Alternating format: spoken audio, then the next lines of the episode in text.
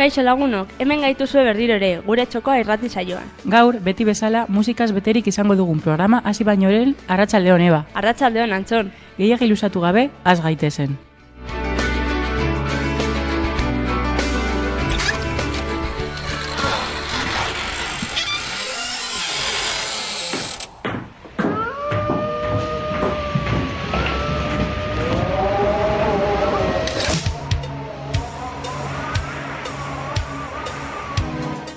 Gaur Halloween saio berezi bat izango dugu, ordu honetan zehar, musika historio eta barrekin. Orain Michael Jacksonen thrillera bestia, abesti hau Estefani Garekaria des, e, desatu nahi diogu.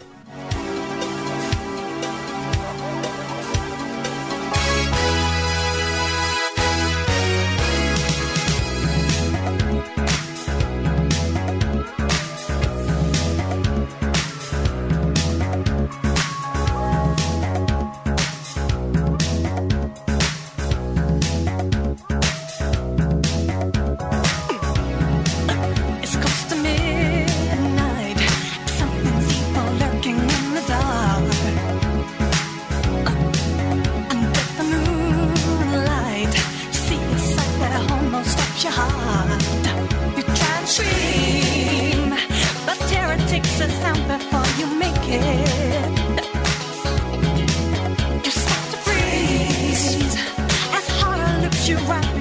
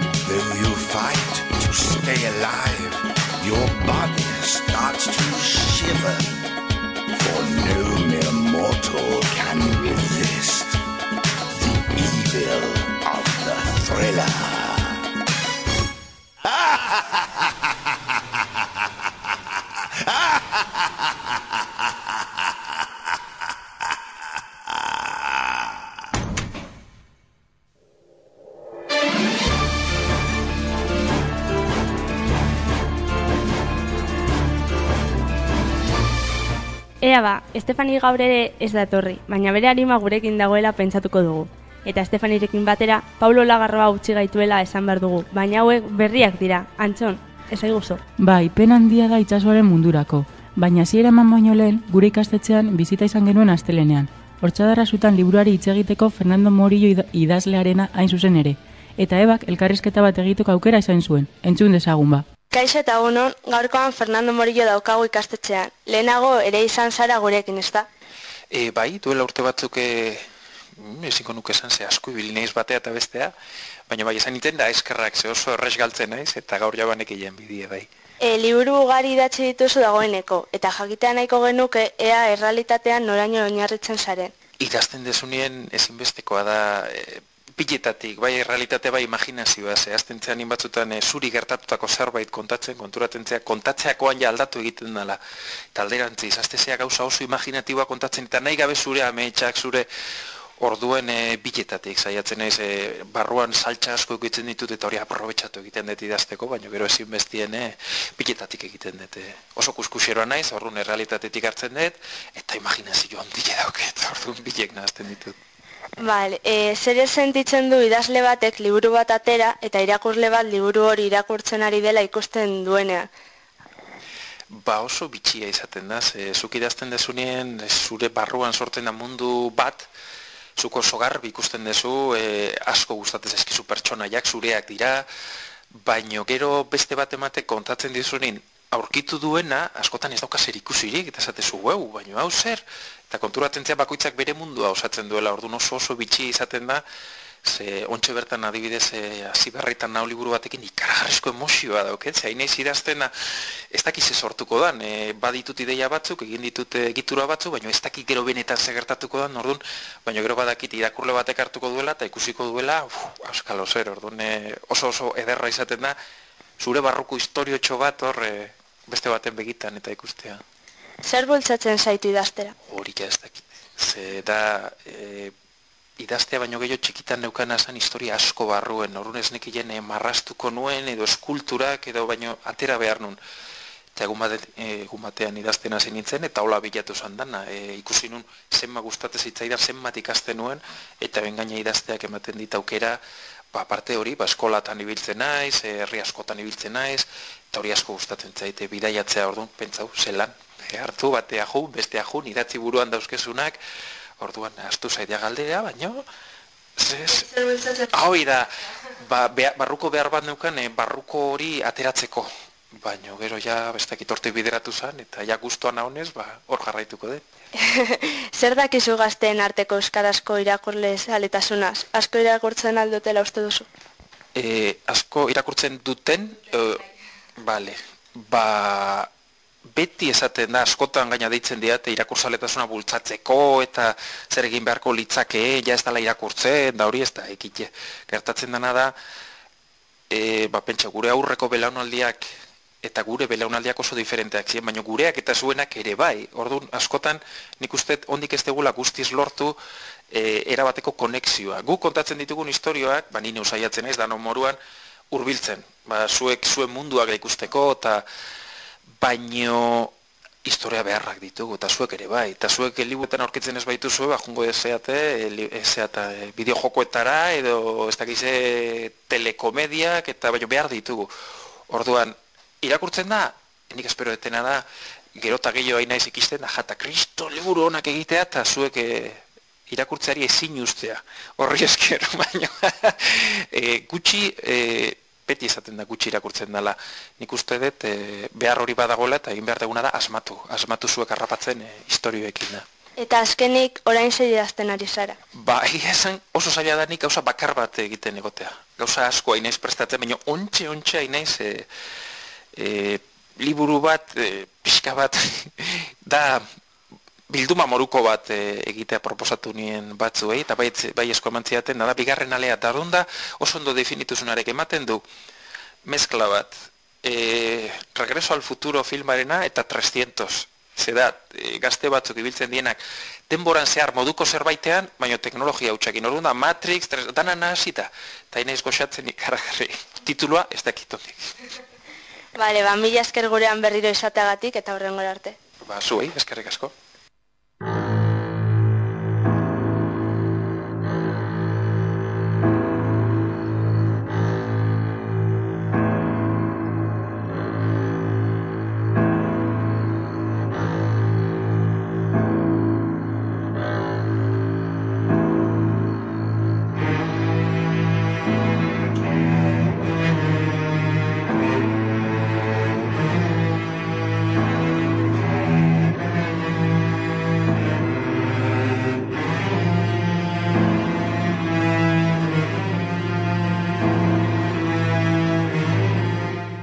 Transilvania, Errumaniako eskualde historikoa da.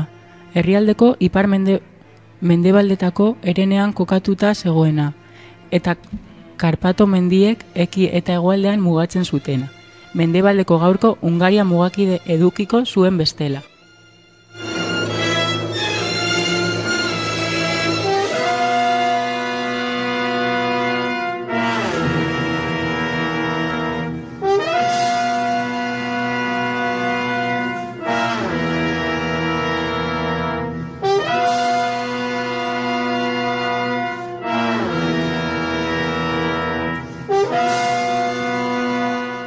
Erromatar imperioaren garaian, Dasiako probintziak aurretik existitzen zen Dasiako erresuma ordezkatu zuen eta Transilvaniaren lurraldea probintziaren iparraldeko zatituan gelditu zen. Unoak eta burgalerrak ere hortik zabaldu ziren, eta ondoren Ungariarrek lurrabeldea inbadetu zuten. Bosgarren mendetik aurrera.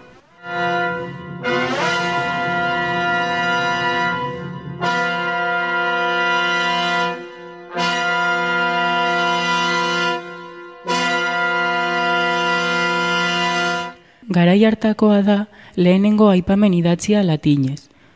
Mende batzuk geroago, Vlad Dracula printzea, Otomandar imperioaren zabalkunda ospatu zuen amabosgarren mendean, eta Transilvaniar buruzigarik ezagunena da gaur egun. Hemenetxegarren mendean, Austria-Hungariako imperioaren zati bilakatu zen, eta azkenik lehen mundu gerraren gerostik Errumaniaren barruan gelditu zen.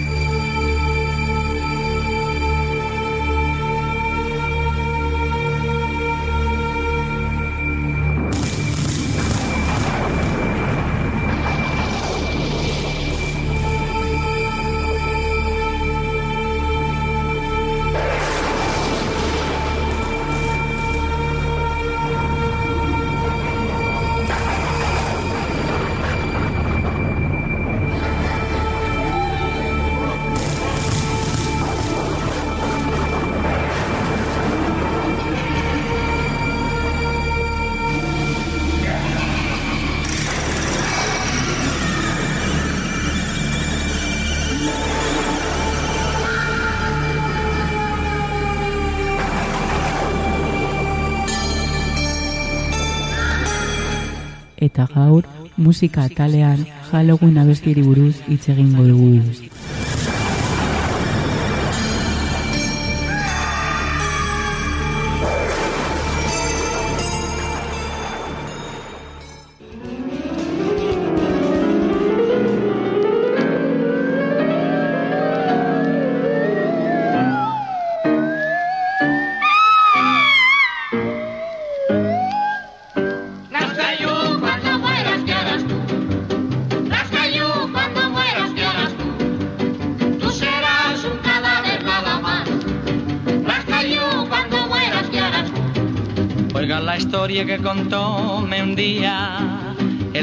De la comarca, que era un viejo a que la suerte impía, su rico bien arrebató la parca. Todas las noches iba al cementerio a visitar la tumba de su hermosa y la gente murmuraba con misterio, es un muerto escapado de la fosa.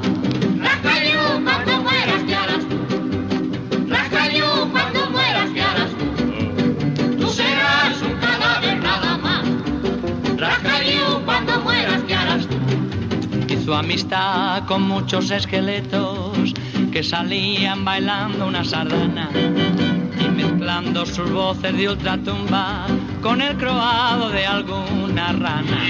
Los pobrecitos iban mal vestidos con sábanas que a toca habían robado y el guardián se decía Halloween programa, Halloween musika hasteko, raskaiua bestia. Los fuegos fatuos se meten en el niño, armando con sus luces tenebrosas un cacao de padre y muy señor mío.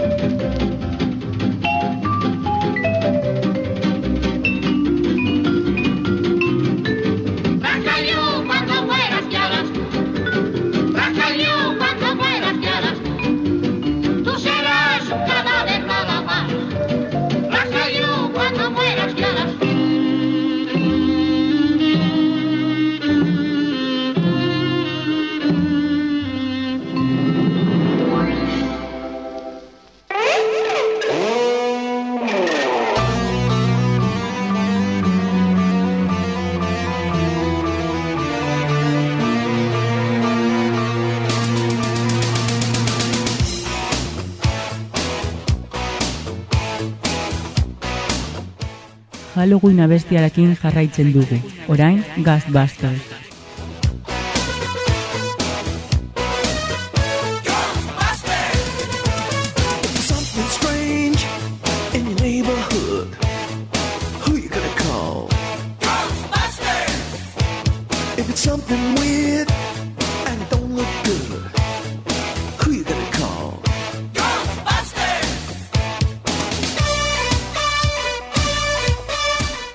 Txoko atuentian, galdera bat bota diegu gure lagunei. Bai, ea zer iru- iruditzen zitzaien Halloween eguna ospatzea, eta hauek izan dira haien erantzunak. Lehenengo eta behin, edurne izazik, bere iritzia eman digu. Eta hola esaten du. Baniri, ospakizun oso jatorra iruditzen zait, mozorretu egin zaitezke eta jendea ikaratu. Gainera, egun horretan festa dukitzen dugu. Mi esker edurne zure iritzagatik.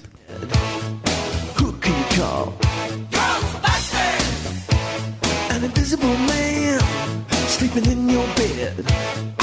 Who you gonna call? Ghostbusters.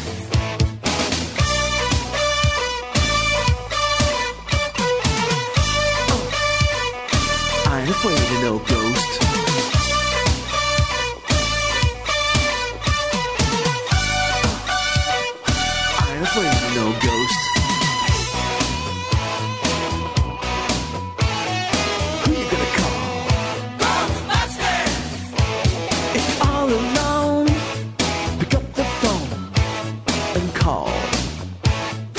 Mikel Narbaizak, gure entzule ohia, ere gure galderari erantzun dio esanez. Amerikana da bat da, bertako alde handiena industriak sortu dutela uste dut, baina jende askori zoriontsu egiten die eta ondo pasatzeko denbora ematen die. Bere alde ona eta txarrekin gustatzen zait, ospakizun horrekin denok ateratzen gara irabazle.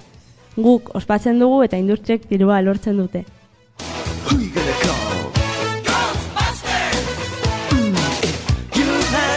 Who you better call. Oh!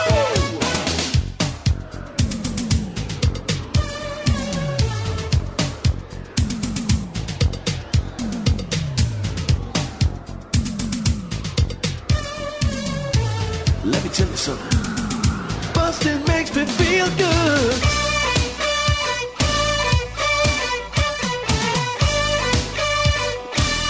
afraid of no ghosts.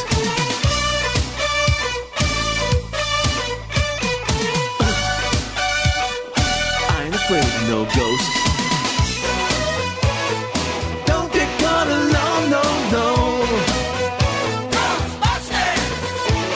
When coming through your door, unless you just want some more, I think you better call.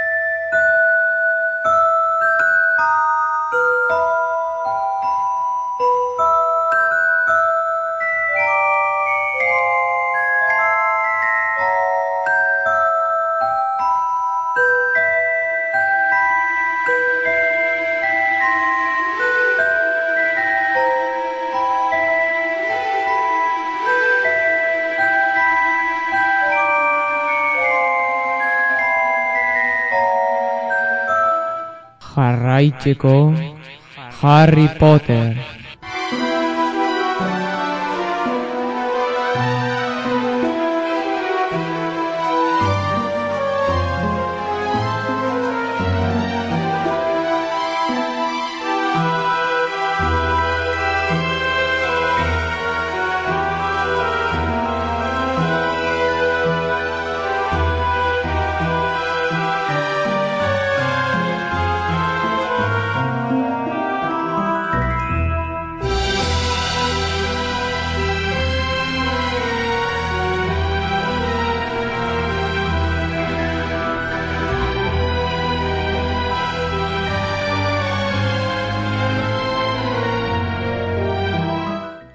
Ainoa maguregik esan digu.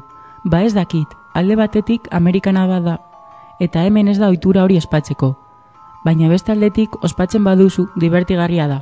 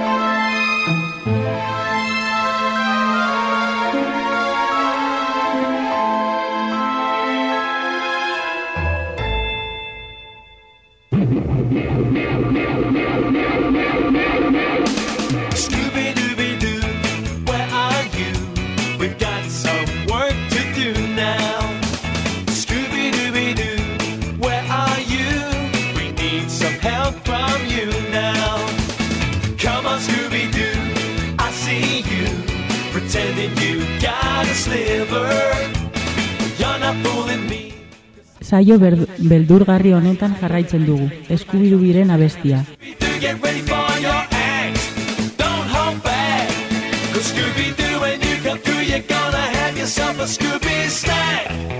That's a fact. Scooby-Dooby-Doo, here are you. You're ready and you're willing. We can count on you. Scooby-Doo, I know we'll catch that villain.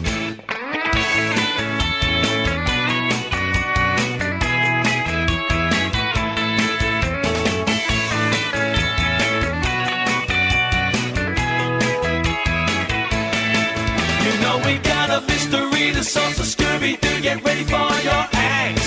Don't hold back. Cause Scooby Doo, when you come through, you're gonna have yourself a Scooby snack. That's a fact. Scooby Dooby Doo, here are you. You're ready and you're willing. Cause we can count on you, Scooby Doo. I know we'll catch that villain.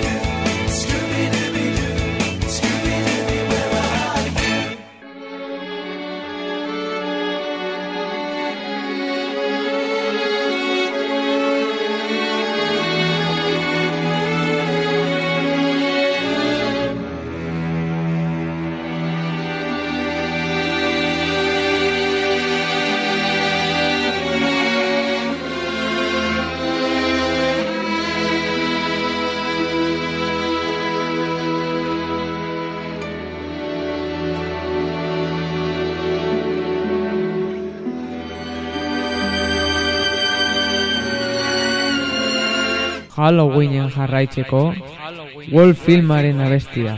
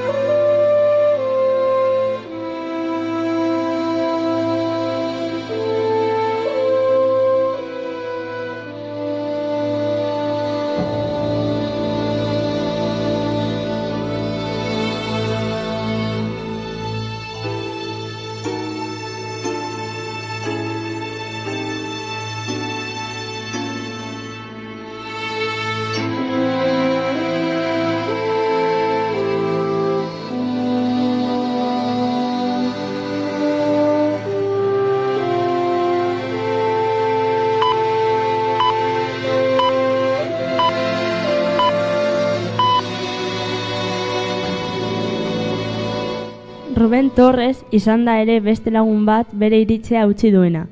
Eta esan du, nire ustez tradizio bat da eta ospatu behar genuke besterik gabe. Andrea Aiak esaten du, uste dut espakizun erdi zelta dela, ipuin baten horrez ospatzen zena. Eta esaten zuen egun horretan espirituek beste aldera joaten zirela. Egun hori beste aldeko mundutik gertuago zegoelako. Ospakizun bat da, espiritu eta mamu honen eta txarrena, baina normalki txarrena dela bakarrik uste du jendeak. Eta bukatzeko, Ibare Barberok esan digu. Ikus dezagun, dirudi gauza divertigarria dela. Umeek ondo pasatzen dutela ikusten da, nagusiek ez dakit nik, baina bentsat txikiek posten dira haien gozokiekin. Ikusi dugu ba, gure lagunek zer pentsatzen duten. Eskerrik asko guztiei aportazioengatik.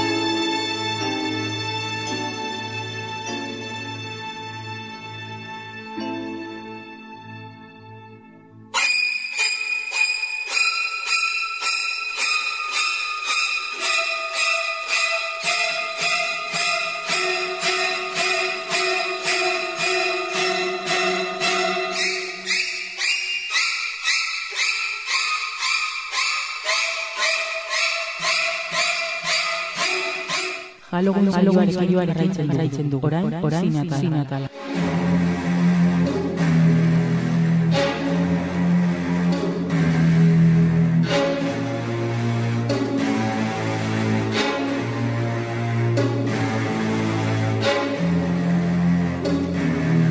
Urriaren hogeita maikan Halloween gaua da. Hori dela eta Kanal Hollywoodek El Exorcista hiru filma emango du gau horretan. Inoiz egin den beldurrezko film beldurraga, beldurragarrien hirugarren zatia da.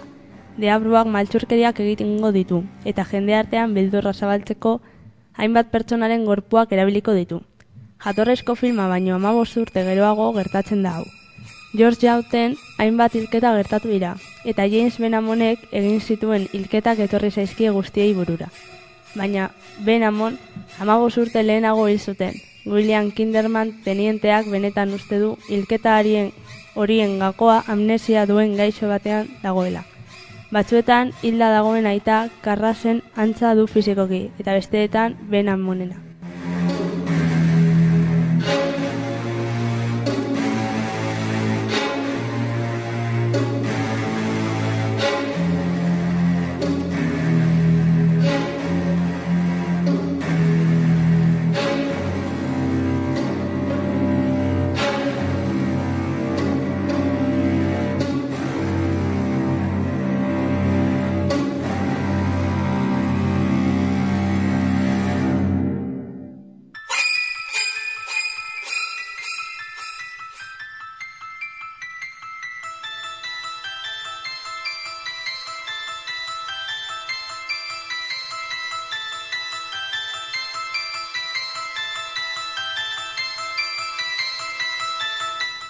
Orain abesti mitiko bat, Mikel Oldelfiren de Estos Zist.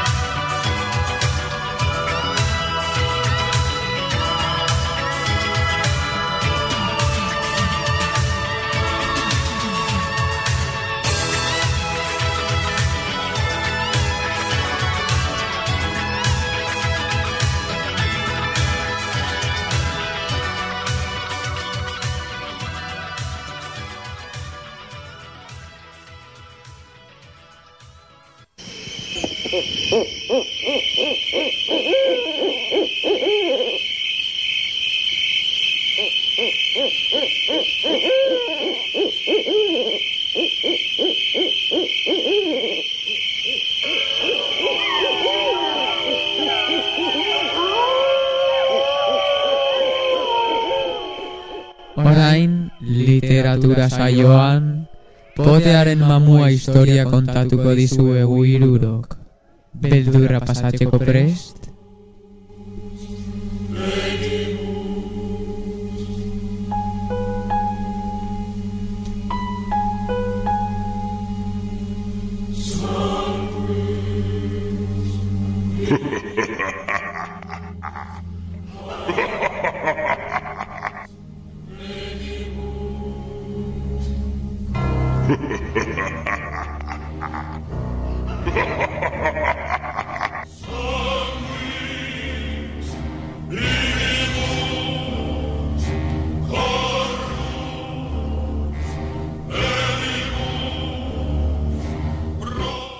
Rosario Solizek berreun eta hirugarren zenbakiarekin izendatuta zegoen etxean, Jose Reyes Martínez kalekoan bizi zen. Kontatzen du, amabi urte lehenago, ganberatxo batean, behin eta berriro agertzen zitzaiola emakume zurizka bat beltzez jantzita. Begiak txuri zituena eta airean flotatzen zuena. Horrek etxea ustea probakatu zien. Berdin egin zuten urrengo historiako protagoniste. Orain intzungo duzuten historioa, benetako historioa da. Hildak bizirik daude.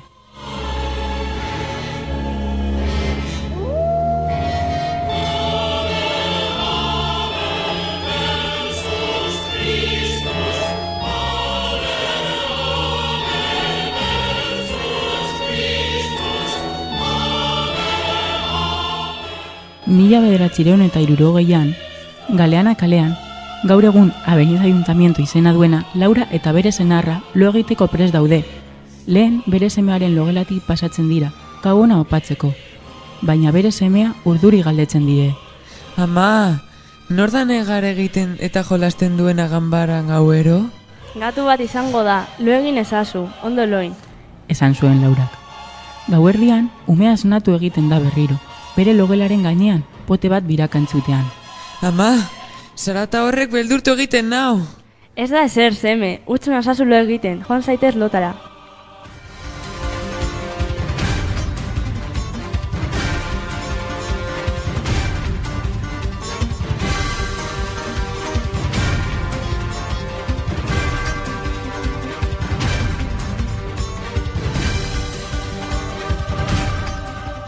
Egunak pasatzen joan ziren, eta Laura eta bere senarrak ez zioten garrantzi handirik eman umearen hitzei.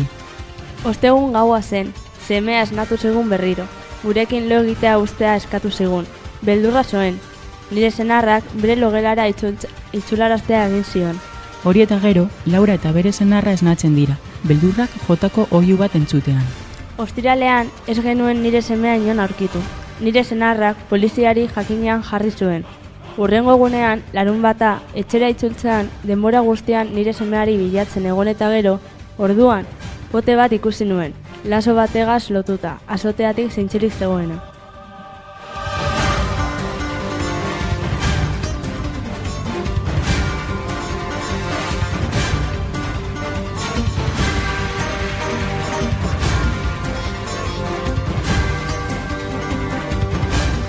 Laura eta bere senarra amorrua sentitzen dute.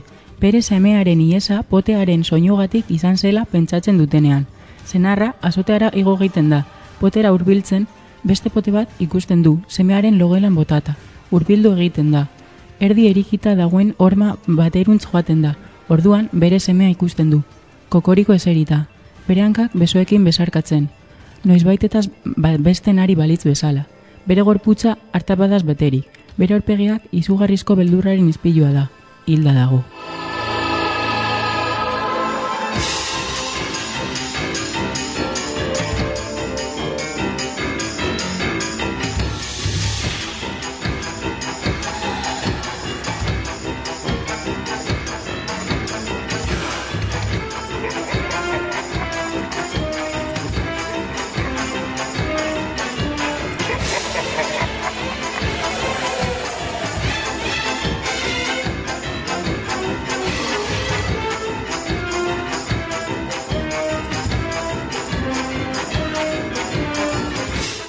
Etxe saldatu ginen. Urte bat geroago, gauerdia ailegatzean, azotean bote bat biraka dabiltzanean sortzen duen soinuak esnatu zigun. Asko ikaratu ginen. Zutitzean, semeari ikus, ikusi zuten, haien oearen ondoan, zutituta, esanez. Goitu soinua. Ez dugu berriro ikusi, baina urtero, bere eriotzaren urte hurrenean, potearen soinua entzuten dugu, eta gure semearen negarra.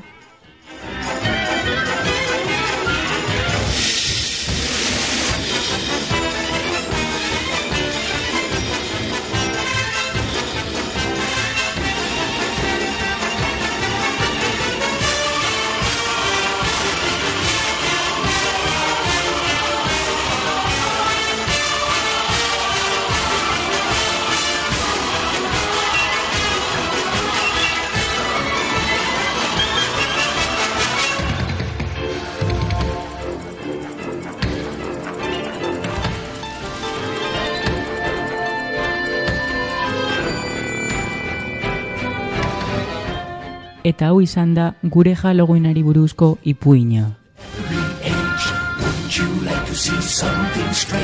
Come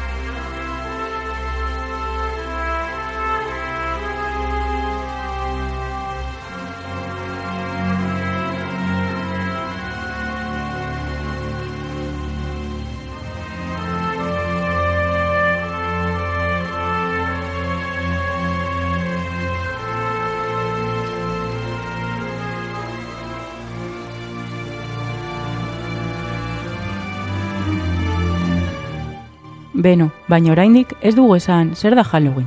Halloween gau aurriaren hogeita ma- hogeita hamaikako gauean ospatzen den jaia da. Irlandatik etorria da, estatu batuek esportatua dena, baina beste herrialde batzuetan ere ezagutzen dena, beste izen batzuekin. Halloween eguna herri zeltikoetako jai bat da. Bertakoa zen Jack deritzoguna, pertsonaia. Oso gaiztoa zen eta ez zuten ez zeruan ez infernuan onartu. Ospakizun honetan, balaude bi gauza denok ezagutzen dituguna. Batetik truko otrato esaera eta bestetik kalabazaren dekorazioa. Hau da, Jako Laternen historioa. Truko otrato, otrato ingleseraz trick or treat esaera historio popular batetik dator. Historiak esaten du Halloween gauan ez zirela bakarrik espirituak lurrean egoten, edo zein eratako munstru edo izakiak baizik. Haien artean bat zegoen oso famatua, ikaragarri gaiztoa zena, eta etxe etxe joaten zena, truko trato eskaintzen. Historiak dioenez, onena tratoa eskatzea zela. Ordaindu behar zien prezioei eskaintzen uko egin gabe. Bestela truko hau- hautatzen bazenu, berak bere poterak erabiliko baitzituen herritarren etxea sori gaitzen, edo haien animaliak hil eta bar. Horregaitik prebentzio moduan jendeak kalabazak jartzen zituen etxean, forma itxusiekin. Nor zen espiritu txar hori? Jack, Jack O'Latter.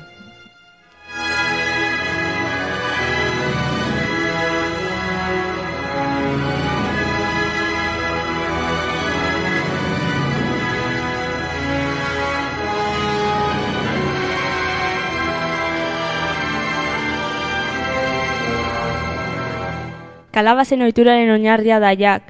Jack, eltakaino moduan ezagututa, norbere auzokoei eta lagunei gezurrak esaten ziena, haren jarrera txarrak etxai asko izatea izan zuen ondorio, eta haien artean satanaz berberarekin harreman txarra ekarriko zuen. Deabruak jaken arima hain txar- hain txarra zuen norbait existitzen zelaren rumorea ailegatu zitzaiola, ea egia zen ikusteko joan zen bere etxera. Pertsona normal batez jantzita joan zen, eta jakekin egon zen luze hitz egiten. Arina, arima beltza zuela ikustean, beraren bila zetorrela esan zion, bere pekatu guztien ordain izitzan. Baina jakek beste erronda bat eskatu zion deabruari, eskenengo kopa elkarrekin edateko. Hori egitean, ordaintzeko ordua heldu zenean, inore zuen dirurik, eta jakek deabruari erronka egin zion. txampon baten bihurtzea eskatu zion bere boterea ikusteko. Lucifer txampon batean bihurtu eta gero Jack bere boltsikoan sartu zuen. Bertan gurutze bat zuen eta ez zion deabruari irteten laga. Luciferrek mesedez eskatu zion handik ateratzea, eta Jackek kondizio bat jarri zion, infernura bueltatzea eta berari pakean ustea urte batetik.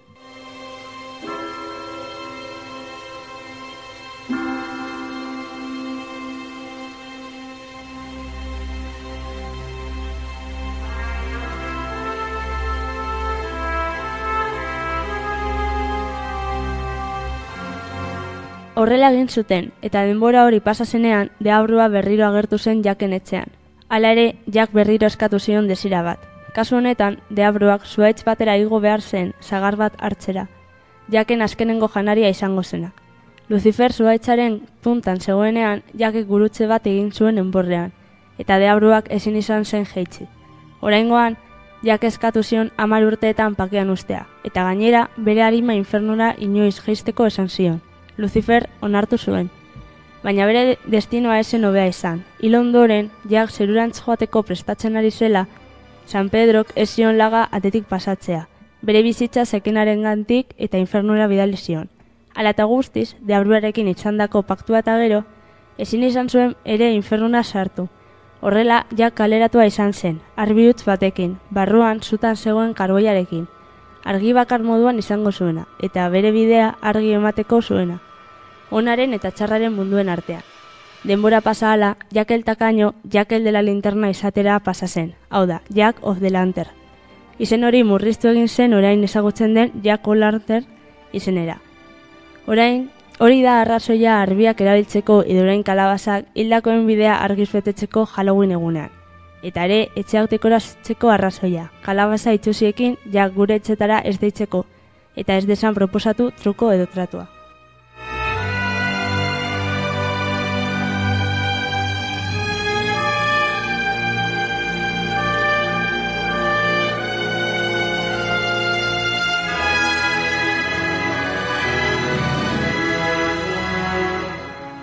Gaur egun, trick or treat horren itzulpen onena gozokia edo izua izango litzateke. Umeek mozorretu egiten dira eta gozokiak eskatzen joaten dira etxez etxe.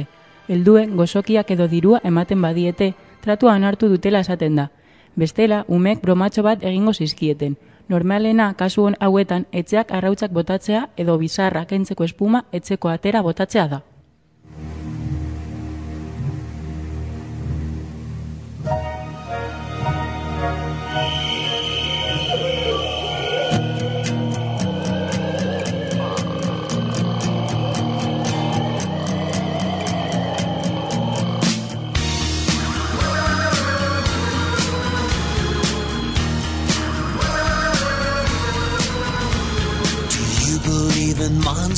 Well, neither do I. But I heard a story almost made me cry. It happened in the woods in the middle of the night. The wind was howling and the moon was bright. Someone said they heard it coming, coming closer, near and near. But I don't believe in monsters. Fly. I know they're all just make believe. I know they're in my mind. I hope they are.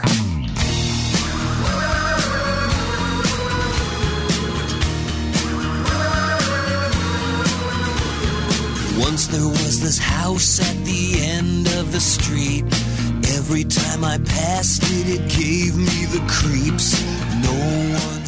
Gaurko saioa amaitzen ari gara. Gogoratzen dizuegu 20 bat daukagula, gure txokoa izenarekin. Eta asteazkenero ordubietan zuzenean egoten gara zuen petizioak hartzeko.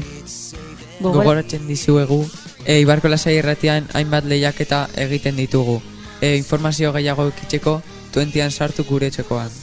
Eta saioa bukatzeko, bukatuko dugu Do You Believe in Monsters abestiarekin. Agur! Agur! Agur. Hope they are.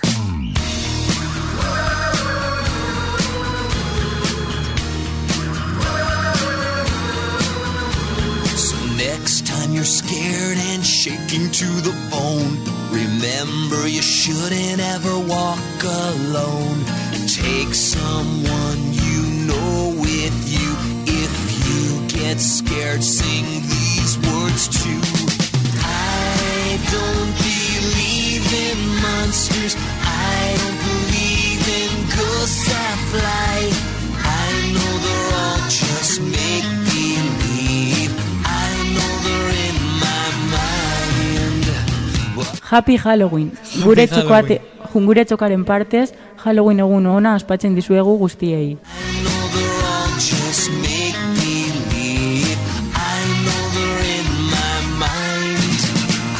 they are.